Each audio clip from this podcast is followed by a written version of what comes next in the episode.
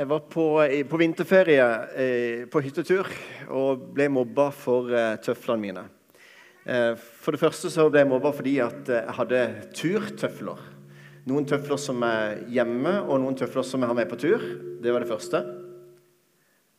Og så var det det at de var ganske slitt. Og så har jeg tenkt på at jeg skal gå til en skomaker, for jeg syns de er ganske fine og greie og gode å gå i. og har gått de inn på en måte. Men så har jeg bare tenkt på det der. Tenk å ha noen utslitte tøfler. Snakk om å være tøffelhelt.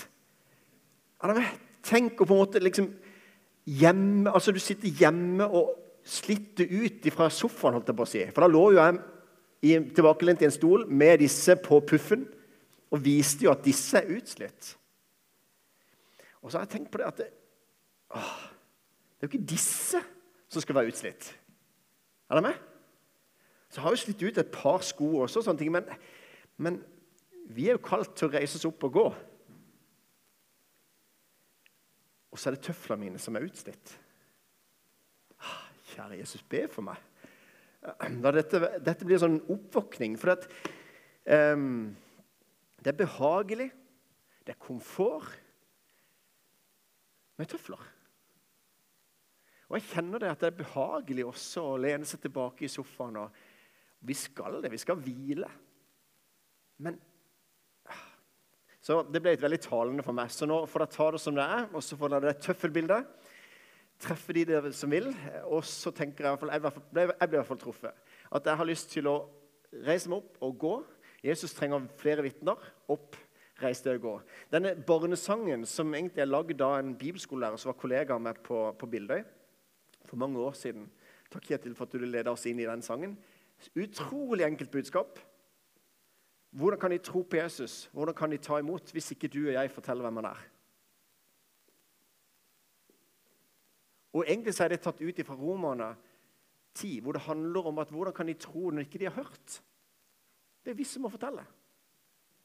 Og så er egentlig ikke hovedbudskapet i dag at vi skal gå ut og dele nyhetene. Men jeg skal begynne litt med, med det, og så handler det om hvordan vi skal gjøre det mye mer enn at vi skal gå. Men det står i Romerne 10, 17, så kommer da troen av forkynnelsen som vi hører, og forkynnelsen vi hører, kommer fra Kristi ord. Så Guds ord skaper tro ved Den hellige ånd i det Guds ord blir lagt ut. I dag skal vi bruke et lengre avsnitt fra Bibelen, og vi skal lese det sammen. Men nå skal vi først gå tilbake til en liten historie i Det gamle testamentet.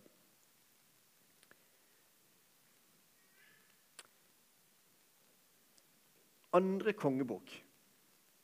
Elisha, en Guds profet, Guds mann, Elisha. Det er snakk om Samaria.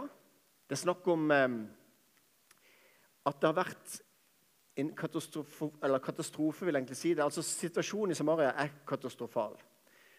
Syrerne har på en måte beleira denne byen her så lenge at det tærer på mat og vannressursene, og det ble en stor hungersnød. Kongen hadde mista troa på at Gud kunne gripe inn.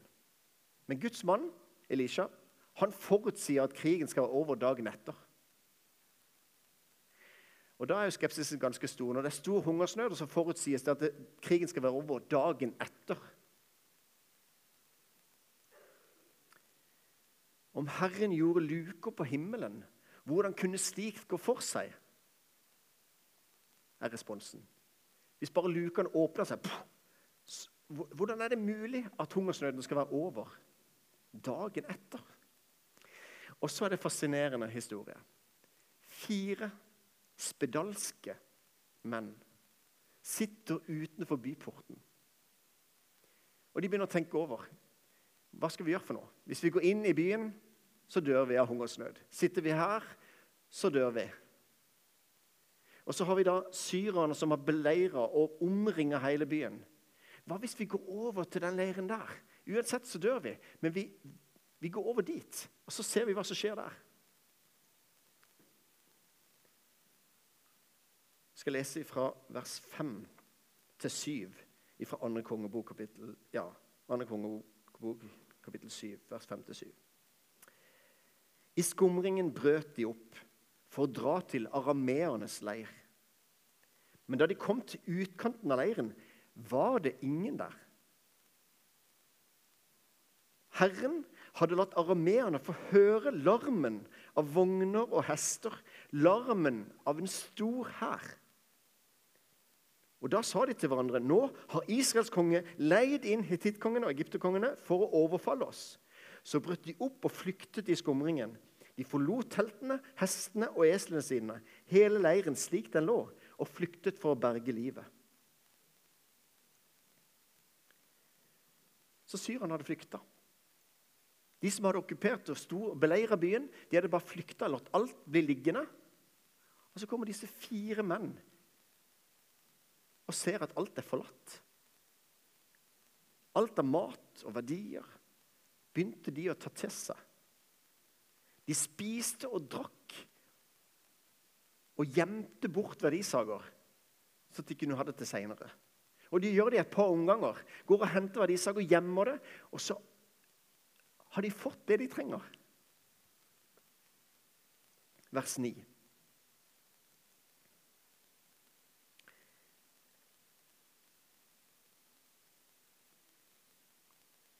Så står det i vers 9 der. Men så sa de til hverandre, det er ikke rett, det vi gjør. Dette er dagen for gode nyheter. Tider vi venter til morgenen gryr, før vi skylder over oss Kom, la oss gå og fortelle dette i kongens slott. Hva var det som ikke var rett? Å sitte og spise seg mett i Syrens leir, hvor det fantes nok mat til hele Samaria by. De fire var de eneste som visste at syrerne hadde forlatt leira. Men er ikke rett. De hadde spist seg god mett, men ikke rett at de satt på denne nyheten her uten å dele den med en by som sulta. Og Egentlig kan jo dette være en kollekttale. Er dere med? Er det rett at vi sitter på alt det vi har, når andre mennesker sulter? Vi skal gi videre det vi har. Vi dele, hadde vi delt på ressursene, så hadde det vært nok til alle. Så på en måte så er det en slags kollekttale. Men det er ikke det som er hovedbudskapet mitt nå. Men det handler om at det er ikke rett at vi sitter på det, alle ressursene, når det er mennesker som sulter. Det er en annen ting som ikke gjør rett. Å vite om at Gud hadde gjort et befrielsesunder, frelsesunder, for folket sitt uten å fortelle, fortelle det til byen. Som jo nettopp underet var skjedd for.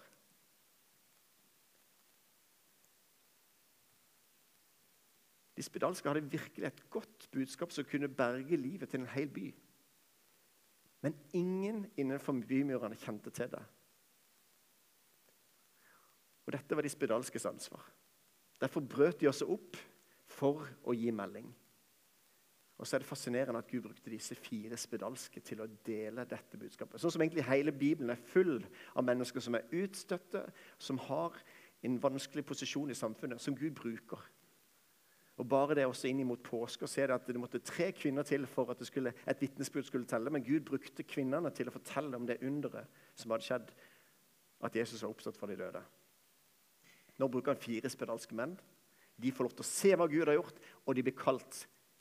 Det var ikke rett. De vil, de vil fortelle det de har sett og hørt. Og de kan ikke la være å fortelle om det de har sett og hørt. Som også var problemet, hvis jeg forstår meg rett, til apostlene. De kunne ikke la være å fortelle om det de hadde sett og hørt. De måtte gi det videre. Vi har fått lov til å se noe som ikke bare er for oss, men det skal deles. Det er et budskap som skal redde liv, og det er mitt ansvar. Det er ikke rett at jeg sitter for meg sjøl, men jeg skal gi det videre. Ikke bare en by er uvitende om Guds under, men en hel verden. Hvordan kan de tro på en som de ikke har hørt om? Romerne 10, 14. Og hvordan kan de høre uten at det er noen som forkynner? Så så vi også en invitasjon til å bli med i misjon, og det å faktisk være et redskap. At vi trenger flere redskap være, som er villige til å si at 'jeg vil gå'. Um, og vi får lov til å At noen kan da Kanskje noen har kjent på kallet siden de var ti år. Kanskje noen kjenner at 'jeg skal ut og være misjonær'. Men det som vi alle har et kall om, det er å fortelle videre det underet, det frelsesunderet som Gud har gjort. Oppreis deg og Jesus trenger flere vitner. Oppreis deg og fortell om Frelseren. Jeg har lyst til at vi skal lese et litt lengre avsnitt fra 2. Timoteus brev. Kapittel, nå vil Einar prøve å følge med når jeg leser. Um, og Så skal vi lese et lengre avsnitt. Og tenk deg her, Hvis jeg ser i overskriften, så står det eh, først en hilsen. Den skal vi også lese. Men så står det 'apostelen og hans disippel'. Og Det som er fascinerende her, er at eh, hedningens apostel, Paulus, han skal gi videre til sin disippel Timoteus. Vet ikke helt om det skal Timotius eller Men Theos, i hvert fall Timoteus, han er en disippel av Paulus. Og eh, han har noen gode råd til han. Og Vi skal lese, og så skal jeg stoppe litt opp av og til. Vi leser sammen fra 2. Timoteus brev, kapittel 1 og vers 1. Paulus, Kristi Jesu apostel, utsendt ved Guds vilje for å forkynne løftet om liv i Kristus Jesus. Hilser Timoteus, mitt kjære barn. Nåde, barmhjertighet og fred fra Gud, vår Far, og Kristus Jesus, vår Herre. Jeg takker stadig for deg og husker på deg natt og dag i mine bønner til Gud, som jeg tjener med en rett samvittighet slik som mine forfedre. Jeg glemmer ikke tårene dine, og jeg lengter etter å se deg igjen. Det ville gjøre meg inderlig glad. Jeg husker din oppriktige tro, som først bodde i din mormor Louise og i din mor Evnike. Og jeg er overbevist om at den også bor i deg. Jeg har lyst til å stoppe kort der. Kanskje dette relaterer til deg som har hatt en bestemor som har tro, som har blitt gitt det videre til dine foreldre, og som gjør at du har troa i dag. Det er takknemlig. Er du klar over hvor heldig du er som har fått dette? Nå handler det om det, men vi ser denne troa blitt gitt videre i slekt. Så det handler om å gi videre, men det handler også om å gi videre til de som er rundt oss, og også i generasjoner.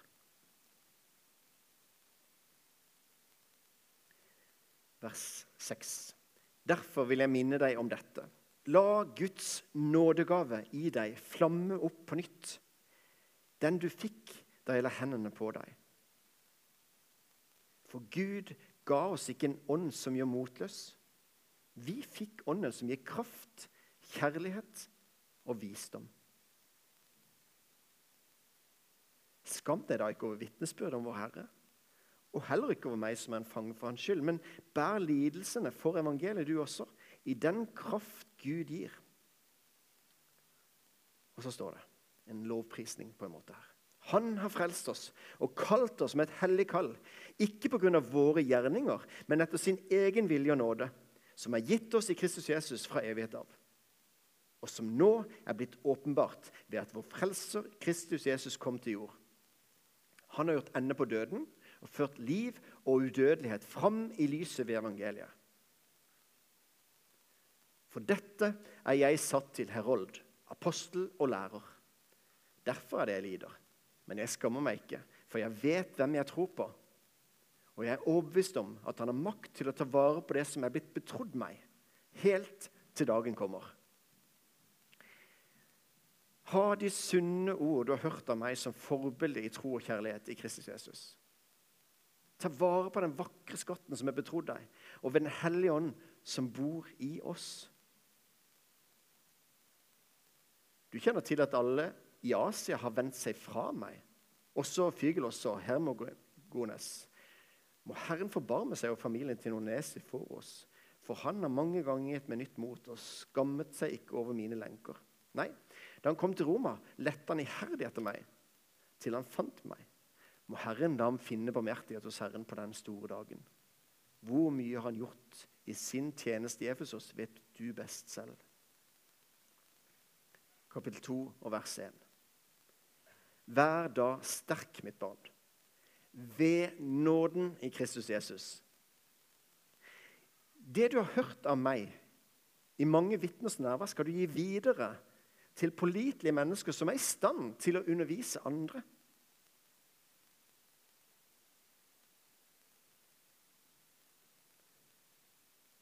Ta og lese det en gang til. Det du har hørt av meg i mange vitners nærvær, skal du gi videre til pålitelige mennesker som er i stand til å undervise andre. Og så hopper jeg litt til vers 11. Dette er troverdige ord. Døde vi med ham, skal vi også leve med ham. Holder vi ut, skal vi også herske med ham. Fornekter vi, skal han fornekte oss. Er vi troløse, så er han trofast, for han kan ikke fornekte seg selv. Hellige Far, hellig oss i sannheten. Ditt ord er sannhet. Takk, Einar. Dette er et lengre avsnitt, og det knyttes an til foreldre og besteforeldres tro. og så er det på en måte ta, Forny den nådegaven som er i deg. Ikke glem det du har blitt gitt. Bruk det. Det er ikke ment at du skal holde det for deg sjøl. Du er blitt kalt til å gi det videre. Og gi det videre til pålitelige mennesker som er i stand til å gi det videre igjen. Ofte har vi tenkt at vi skal gi det videre, og så skal vi tenke, da har vi gjort vårt. Men vi skal egentlig gjøre i stand de som vi gir det videre til, så at de er i stand til å gi det videre. Så av og til har jeg tenkt på at vi, vi forteller for mye.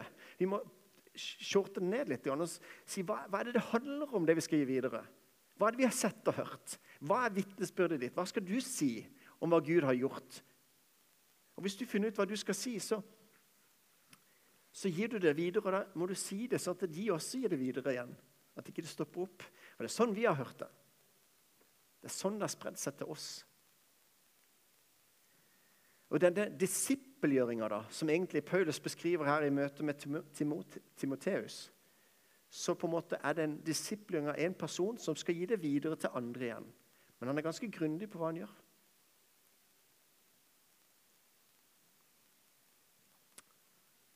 Det du har hørt av meg i mange vitners nærvær Unnskyld. Det du har hørt av meg i mange vitners nærvær, skal du gi videre til pålitelige mennesker som er i stand til å undervise andre. 2 Tim 2, 2. 2 Tim 2, 2.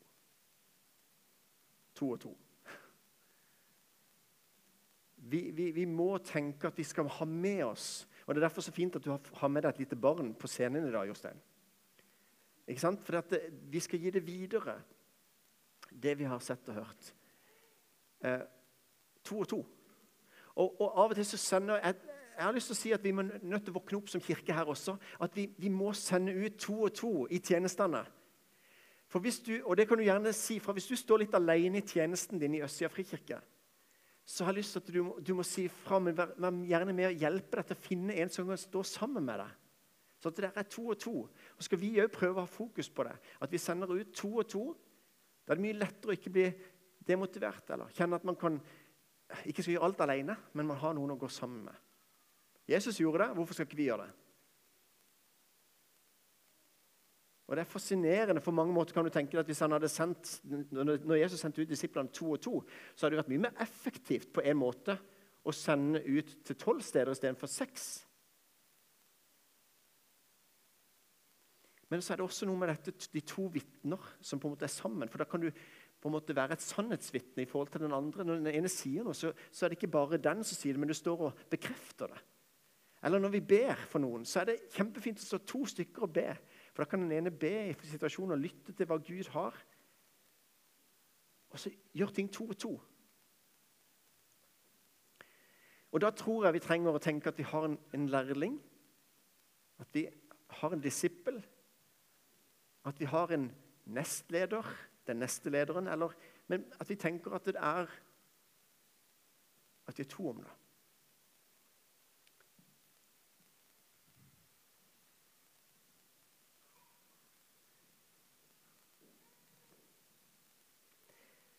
Jeg hadde en uh, litt spesiell opplevelse for et par uker siden hvor jeg drømte. Uh, jeg på en måte våkna og hadde lyst på mer av Jesus. Fordi at jeg drømte at jeg på en måte ble fylt av Jesus. Det er rart å si. Men det var sånn helt sånn Jeg bare kjente at det var så godt å bli fylt opp av Han. Påfyll snakker du om i innledninga her. Det, bare, det, er noe som vi stadig skal gjøre. La dere bli fylt av Ånden. Det er ikke noe som skjedde én gang, at du blir åndsfylt, men det er noe som skal stadig skje igjen og igjen. At vi skal bli fylt av Ånden. Og så var det så rart å, liksom, å drømme at det skjedde, og så bare kjenne på en tørst når du våkna.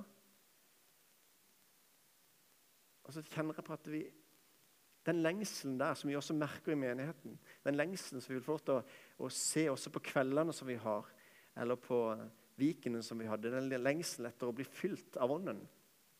Det høres veldig sånn svevende ut å bli fylt av Ånden, men han har blitt fylt av hele hans fylde. Bli fylt av Jesus. Og Jesus du som fyller alltid alle. Vi må gjøre Ånden litt mer eh, konkret, ikke så svevende. Men vi må eh, la oss bli brukt som redskap. Vi må si 'Her er Send meg'. Sangen, han, han, går ikke sånn som dette. 'Jesus, her er jeg. Send noen andre'. Det var skikkelig dårlig, men jeg tror det var så dårlig at jeg kanskje husker det. Så jeg tror det begynner med oss. Og så kan vi få lov til å Eh, ta imot det han har for oss. Få lov til å kjenne at det er nåden som er utgangspunktet. Ikke at vi skal ta oss sammen, men la, la oss bli fylt av Han. Sånn at vi ikke kan la være å fortelle om det vi har sett og hørt. Så Hvis du kjenner at du stresser med det, så bare la være. Bli heller fylt av Han. Og når du er blitt fylt av Han, så kan du ikke la være å fortelle om det du har sett og hørt. Det er, en, det er en sånn episode som, som, når Jesus sender ut to og to i The Chosen. Eh, vi viser av og til til The Chosen. Jeg føler jeg gjør det litt ofte. Men, eh, men den andre sesongen, eh, det andre kapittelet, holdt jeg på å si Den andre episoden i andre sesong, så sender Jesus ut to og to. Og Det er ganske fascinerende når han sitter med disiplene og har tenkt å gi dem all makt til å drive ut onde ånder, helbrede osv. Da kommer det ganske mange spørsmål fra denne gjengen her. Og det kommer mange spørsmål fra meg der også. Og da skjønner de ikke, for de føler ikke de er ferdige. De føler ikke de er utlært til å komme til å gå. Ja, men hvordan kan vi gå? Vi vet jo ikke, vi, ikke sant? Alt det der, alle de der spørsmålene kommer. Så sier Jesus 'gå'. Og så er det jo ikke pga. at de har fått alt på plass, det er fordi de går.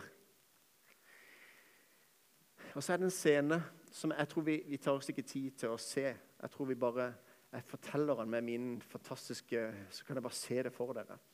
Men jeg har lyst til å oppfordre dere til å se denne episoden. Men eh, de sendes ut to og to. Og da er det denne lille Jakob, Little James, som det er to Jakob i disippelflokken, og jeg tipper han var minst. Eh, men han var rett og slett halvt og gikk med en stokk. Og så Etter måte, de har vært samla, kommer han ut og så løper han etter Jesus og så sier han, du, du, jeg må spørre deg om en ting. Mener du at jeg skal gå ut og helbrede mennesker? Når ikke du helbreder meg? Og det møtet der er ganske sterkt. Fordi at den, disse, alle disse spørsmålene Hvorfor har ikke du fiksa det i mitt liv? Jeg kan ikke gå før jeg kan vise at du faktisk helbreder, for du har ikke helbreda meg. Og det, den, den, samtalen Jesus har og tar seg tid, den tar faktisk seks minutter. den samtalen der. Hvor Jesus bare bruker tid til å ja, men hva, hva skjer når du står og helbreder, og det underet skjer med dine hender. Hvilket vitnesbyrd er ikke det? Ikke og så forteller han flere elementer her. Men det, det, Jesus møter denne personen som egentlig trenger å bli helbreda sjøl. Og så syns jeg det er fascinerende også. Jeg har hatt en i, i komiteen eller i styret i fellesmøtene som, som, heter Ivar, som har vært fra Oddernes kirke. Som, som sjøl er lenka til rullestol. Eh, og kanskje noen hadde sett det. Han hadde delt ut nattverd og vært i forbundstjenesten under fellesmøtene. Og Det har vært fascinerende for meg å se hvordan på en måte kan på en måte bli bitter, for man har all god grunn til det når man bare svinner hen. Men hvordan han har på en måte fått et perspektiv og så ser at han får lov til å stå i en sånn en tjeneste, en forsoningstjeneste, eller få lov til å be for folk og få lov til å Det er utrolig sterkt, faktisk. Når en ber om helbredelse, så sitter sjøl i rullestolen.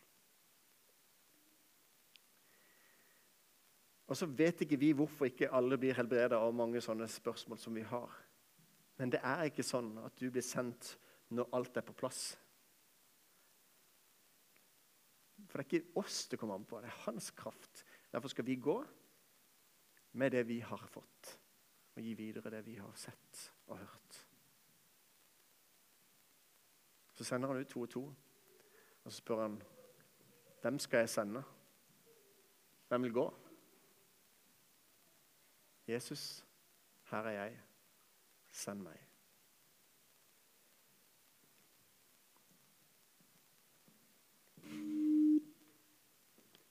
Mm-hmm.